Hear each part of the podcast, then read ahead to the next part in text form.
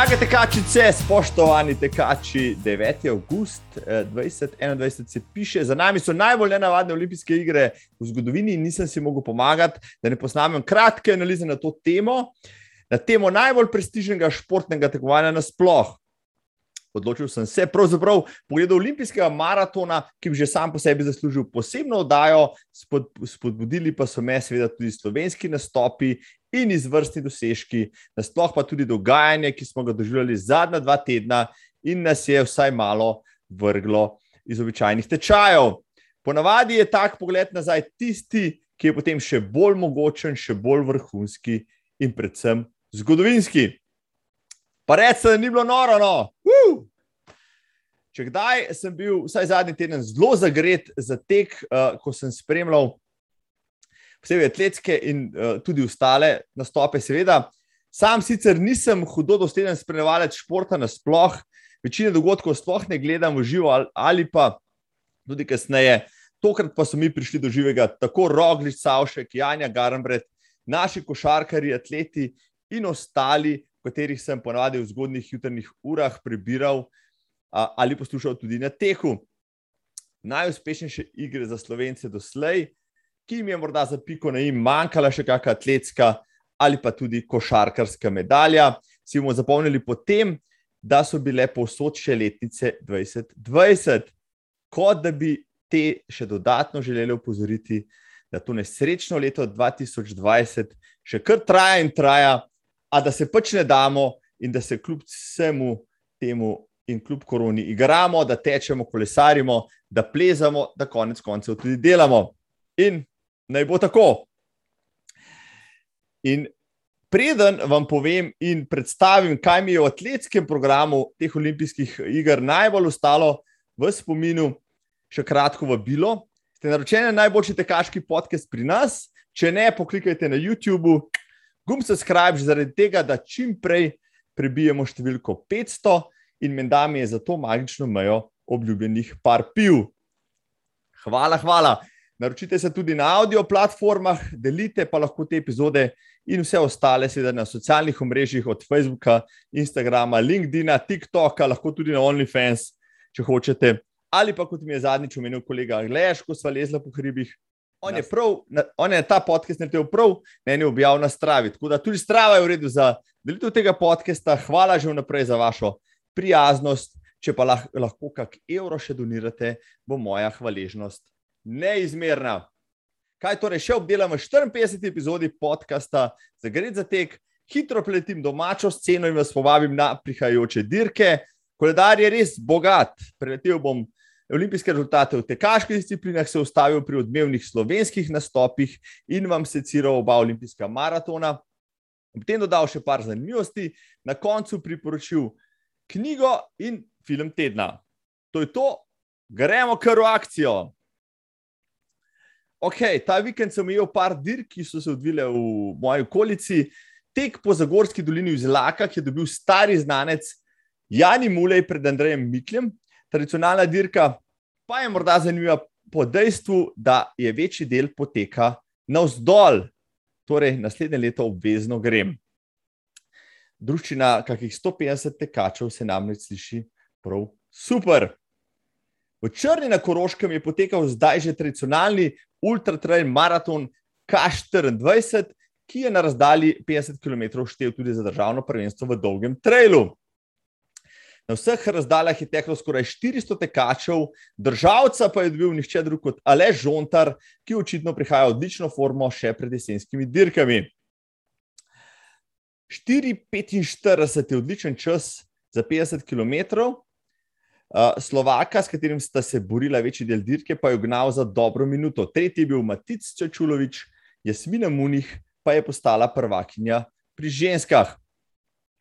Noro zanimiva je bila tudi 100-kilometrska preizkušnja, kjer so se dejali Tilen Potočnik, Ivi Hrastovec in Janec Klančnik. Dirko je na koncu dobil slednji Klančnik z odličnim časom, dobrih 12 ur, njegova partnerica pa je za piko na i dobila žensko stotko. Bravo, Martina Potrč, bravo, Janec Klančnik. Čestitke vsem udeležencem, uh, posebej maham Alešu Žontarju, uh, kapo dol za še en državni naslov. seveda, pohvale tudi organizatorju za brezhibno izvedbo v teh dokaj negotovih časih. Malo prej sem dobil novico iz Bosanskega Cazina, tam je na 12 in 14 urnem teku uh, teklo kar nekaj slovencev. Na 24-urnem teku je absolutno med vsemi zmagala naša Nataša Robnik s 176 km, Toni Perošič je bil pri moških tretji, na 12-urni ženski preizkušnji je zmagala Berniče Plak Poznič, na 6-urni pa je bil Mirko Miklič drugi. Odlična popotnica torej za 12-urni slovenski tek v Kranju, ki bo čez dva tedna, prijave še odprte, vabljeni vsi. In ker bom tam v vlogi moderatorja, obljubim, da vas bom vse spodbujal, da boste kroge obračali čim hitreje. Kaj pa koledar uh, drugega dela sezone, naj na hitro vsaj pomenejše dirke uh, naštejem in predstavim že naslednjo delo 15.10. Kransko-gorska desetka, Kranski gor, jasno zvečer, uh, teden, nekaj kasneje je v Idriji, uh, že tradicionalni HG Trail, uh, isti vikend tudi uh, primerno Triglav Trail Race v moji strani, najdaljša razdalja je nekaj čez 70 km. Uh, konec avgusta bo zaznamoval Pohorje Ultra Trail, tudi tam še dobrodošli, začetek septembra pa štarta z Ribnica Trailom in DM tek, tekom za ženske. Tedni kasneje 12. septembra je v Zasavju Kotredeš trail, Bovški maraton in pol maraton, pa sledi te dni kasneje, 18.9. Trailov je letos res veliko, Julian Alps trail bo 24.9. v Kranski gori, isti vikend pa tudi Koniški maraton v slovenskih konicah, ki šteje za državno prvenstvo 10 km. Tedni kasneje je že državno prvenstvo 21 na Novomeškem, pol maratonu to je 3.10.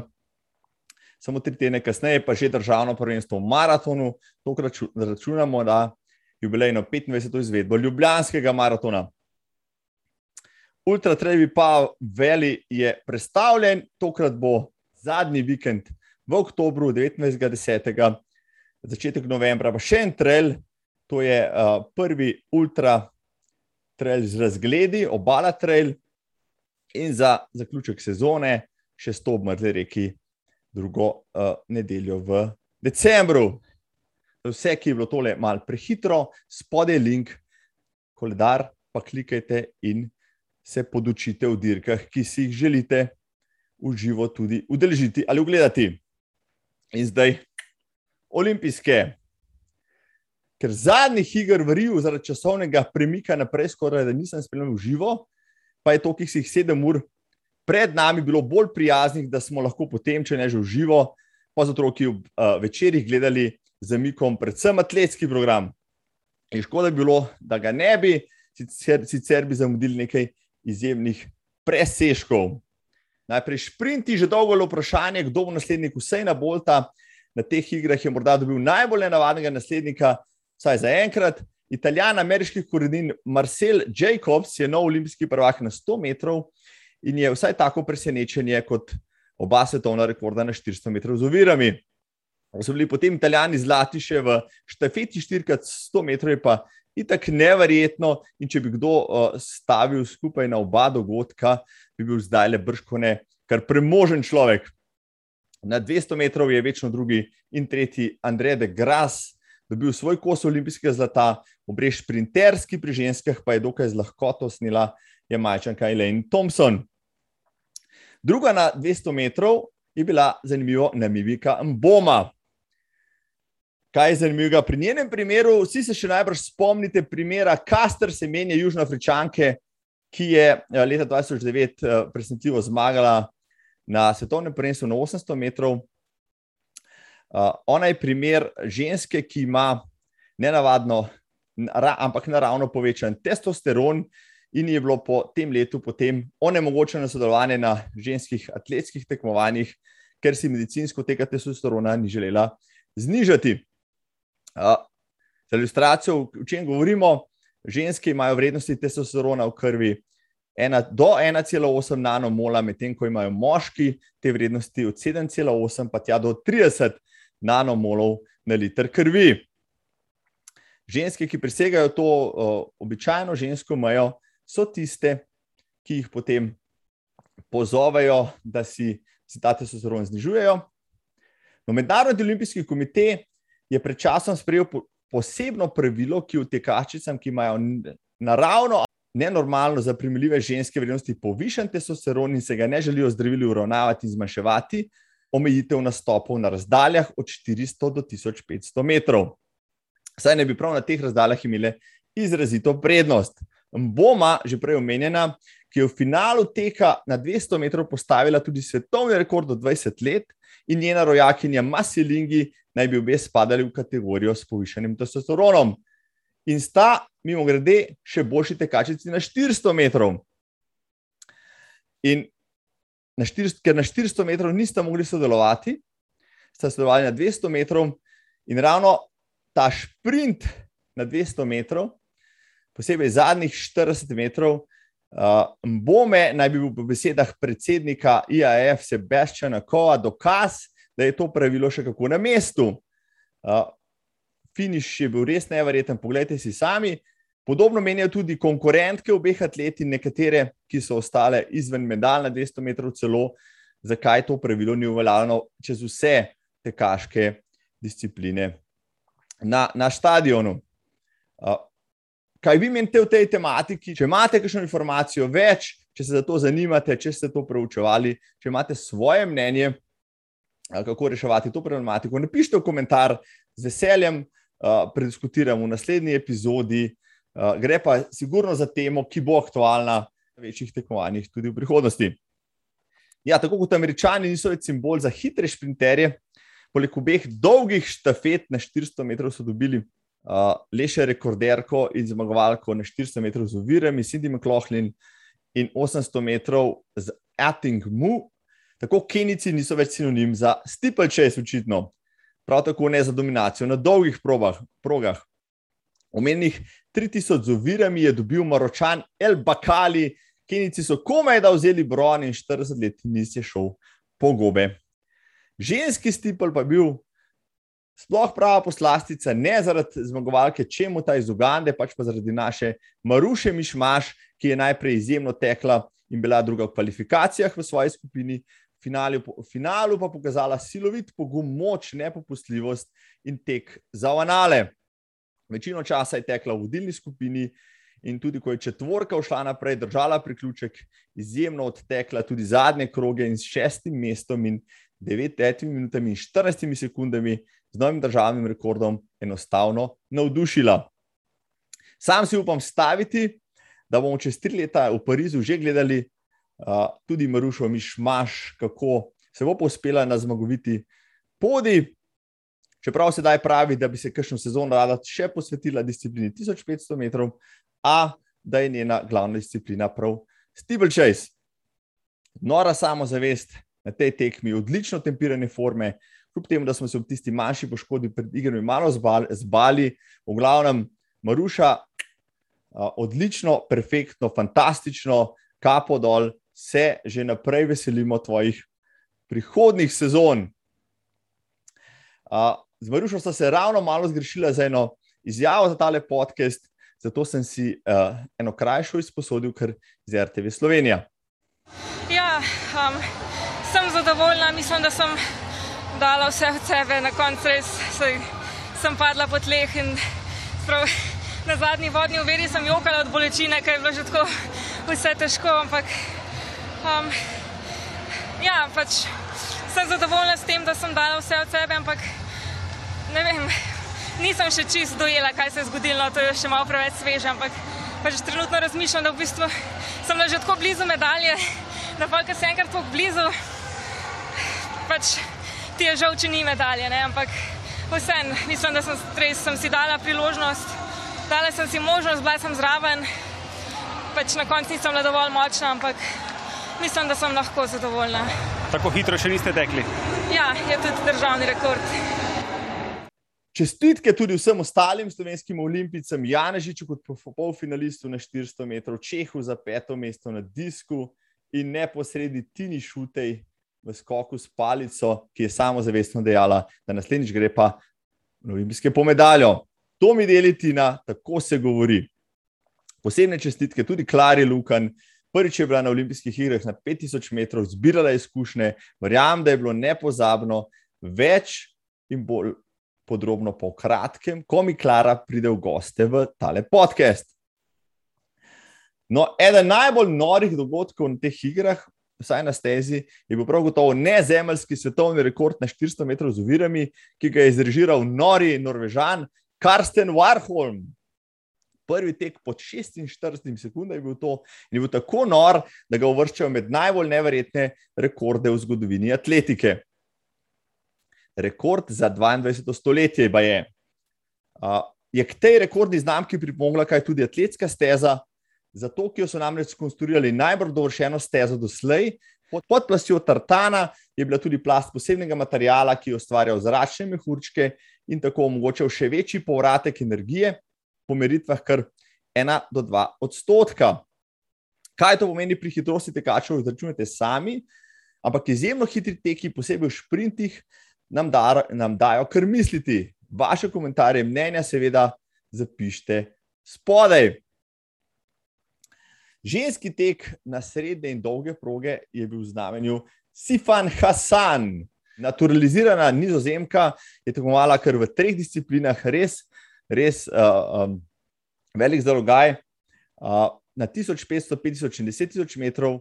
Nihče ni verjel, da ji po, sicer po severni zmagi na 5000 lahko uspe še kaj več, posebej, ko je v polfinalu na 1500 metrov padla, se je pobrala in v finalu, ki ga je dobila branilka naslova Fate, ki Piegon iz Kenije osvojila tretje mesto.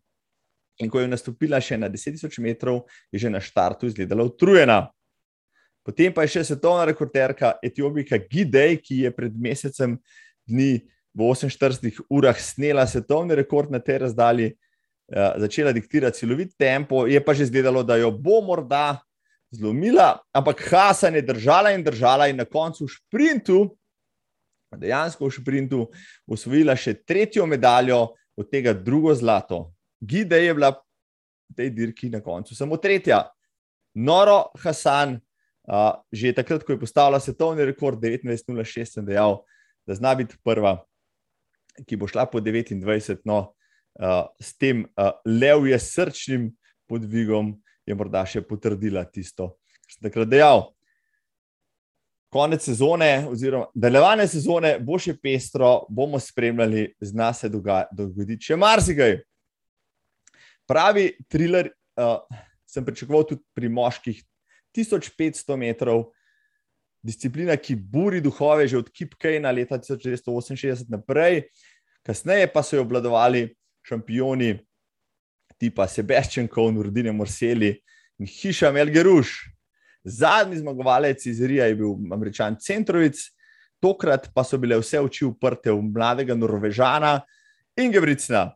Ne glede na vse kenijske grožnje strani Kipsanga in Čerjota, je mladi Jakob stvari vzel svoje roke že od starta, diktiral hiter tempo in po nekaj menjavah v ciljno ravnino suvereno pritekel na prvem mestu, v cilju pa zaokrožil rezultat na 3:28:32 in napovedal, da bo tek na srednje in dolge proge v naslednjih letih in desetletjih celo obarvan rdeče modro. Heja Norge! In last but not least, maraton. Ženski je bil uh, predstavljen za eno uro nazaj, na šesto uro po lokalnem času, zaradi izjemne vročine v Saporu, kamor so maraton sicer ironično predstavili iz Tokija, ravno zato, da je bilo manj vroče ampak tudi v Saporu je bilo na štartu že skoraj 25 stopinj, v cilju pa potem 30. Vseeno pa se je kar 80 pogumnih deklet podalo na štart in dirka je bila zanimiva. Končno smo tudi pri Kenicih oziroma Kenikah videli, da znajo delovati ekipno in si medsebojno pomagati.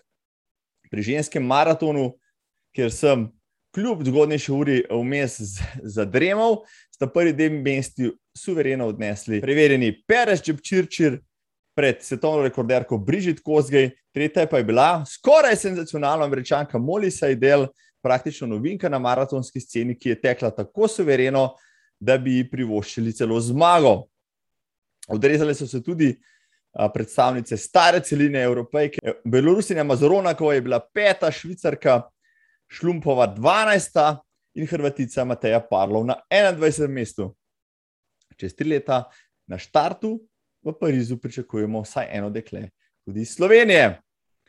No, pri moškem maratonu nisem imel časa dremati, tu se je pisala posebna zgodovina. Sam Eliud Kipčoge je že pred tekmo dejal, da gre v Tokio narediti svojo zapuščino, ampak lanski poraz v Londonu je vseeno pustil malo razpoko na uklepu sicer večno nepremagljivega stoičnega Kenica. Je pri 36, morda že prestar, so se spraševali analitiki in kritiki, in ali bo etiopska falanga napadla ekipno in ga uničila kot srnjaka trop krvi željnih volkov. No, če ste gledali dirko, vam je bilo po pol ure vse jasno. Kenici imajo samo en cilj, ki pčoge je narediti za nesmrtnega, etiopci, med katerimi je bil tudi rekorder Ljubljanskega maratona, Cisa Elema, pa se nekako niso znašli še pred polovico maratona začeli razpadati po šivih. Na koncu pa niti eden od trojke ni videl cilja. Ugandec, ki protič, mimo gre, tudi prišel, brško ne samo na malo na turizem v Tokio, zmagovalec iz Londona, mimo grede. Uh, tudi Japonci so bili močni, a nikoli zelo izraziti. Američan eh, Galen Rup, medalist iz zadnjih olimpijskih, pa je imel nekaj kilometrov slave, ko je poskušal voditi tempo, pa se je kmalo Kipčoge tega naveličal in iz dokaj počasnih 30 km pospešil na 2,55 in zadnjih 12 km tekel solo, prav veličastno, paradno in gotovi zmagi, zmagi naproti. Uh, presenetljiva sta bila Eh, brško ne bolj drugi in tretji, oba so malica po rodu, eden je tekel za novo domino Nizozemsko, drugi za Belgijo.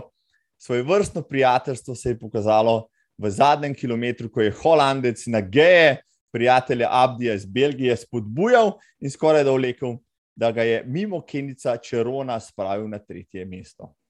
Res posebna zgodba. In na koncu, torej po Kipčogeju, veliki Kipčoge si ga zdaj kdo upa že pošiljati v pokoj, pri taki formi ima tudi sam brško in še kar nekaj ciljev, morda zaključiti vse maraton majorse ali pa celo iti na svetovno prvenstvo naslednje leto, morda celo v Pariz leta 2024. Vsekakor bi pa nas, lahko naskakoval dve uri na uradnem maratonu, če ne prej, na spomladanskem Londonu naslednje leto. In če smo že pri dveh urah, Ta teden vam predlagam knjigo tedna, ki jo je imenil že Petr Kavčič med prenosom maratona. Ed Caesar je leta 2015 pisal dve uri, two hours, knjigo, ki govori o tem, kaj bo potrebno, da bo človek tekel po dvema urama na maratonu. In čeprav je na posebni dirki, ki pčoge je to že uspelo, je zanimivo videti, kaj vse je imel Caesar prav in kje bo morda padel rekord na regularni dirki. Two Hours pri nas je šla kot dve uri pri zložbi Umko, uh, je na voljo v vaši lokalni knjigarni ali pri najljubšem prodajalcu uh, knjig. Vsekakor uh, priporočam branje, morda ravno za ta, ta čas, ta poletni dopustniški čas, ko iščete zanimivo čtivo. Evo, ali kot pišejo na uradni strani knjige. V tej privlačni knjigi nas Edcizer popelje v svet redkih izbrancov med elito najboljših maratoncev na svetu. Zgodbami o njihovih osebnostih in njihovem težkem življenju preizkuje zgodovino maratona, obenem pa prikaže znanstvene vidike, fiziološke in psihološke dejavnike, ki spremljajo tek, ki je tako dolg in tako hiter. Knjiga dve ure nam pokaže, zakaj ta tekma najbolj demokratična od vseh, ohranja svojo vznemirljivo privlačnost in zakaj nas priganja k preverjanju lastnih skrajnih meja. Vrhunsko. In še za konec film tedna, poslastica, dokumentarec, ki je sicer star že več kot pol stoletja, ampak uh, morate si ga ogledati. Tokio Olimpijat je dveurni dokumentarec Kona Ičigave, na katerem upravijo najboljši film v športu, ki je bil kadarkoli posnet. Resnična umetnina, ki z izjemnimi kadri, z montažo, z izjemno glasbo in umirjeno naracijo predstavi ne samo olimpijske igre v Tokiu leta 1964, ampak tudi duh časa in preporod takratne Japonske. Veliko usporednic boste našli tudi z olimpijskimi igrami. Letos lahko primerjali Tokio nekoč in danes. Eh, in če se vam slučajno ne da gledati celega, to je dve urni film, si privatite na uro 40 in sedajte 20 minut užitka ob izjemni študiji olimpijskega maratona in čudovitem tekaškem portretu še enega večnih, tistega, ki je prvi pred Eliutom Kipčogejem osvojil dva olimpijska maratona zapored in pisal zgodovino tudi v Tokiu. Uh, lahko bi mu rekli, nesmrtnega, a Baby Kila je v Tokiu tekel suvereno, premišljeno, osamljeno ter svetovnim rekordom dobil svoj drugi zaporedni maratonski naslov. In ta film je svoj vrstni poklon prav njemu. Tokio Olimpijat, link spodaj, privoščite si ga. Evo, to je to, za tokrat se vidimo še ta teden. Imam zanimivo deklico za gostjo, se jo že veselim. Ostanite zdravi, ostanite zagreti za tek. Jaz sem Marko Roblek in vas pozdravljam. Uživajte, kjerkoli že ste. Z Bogom. Just look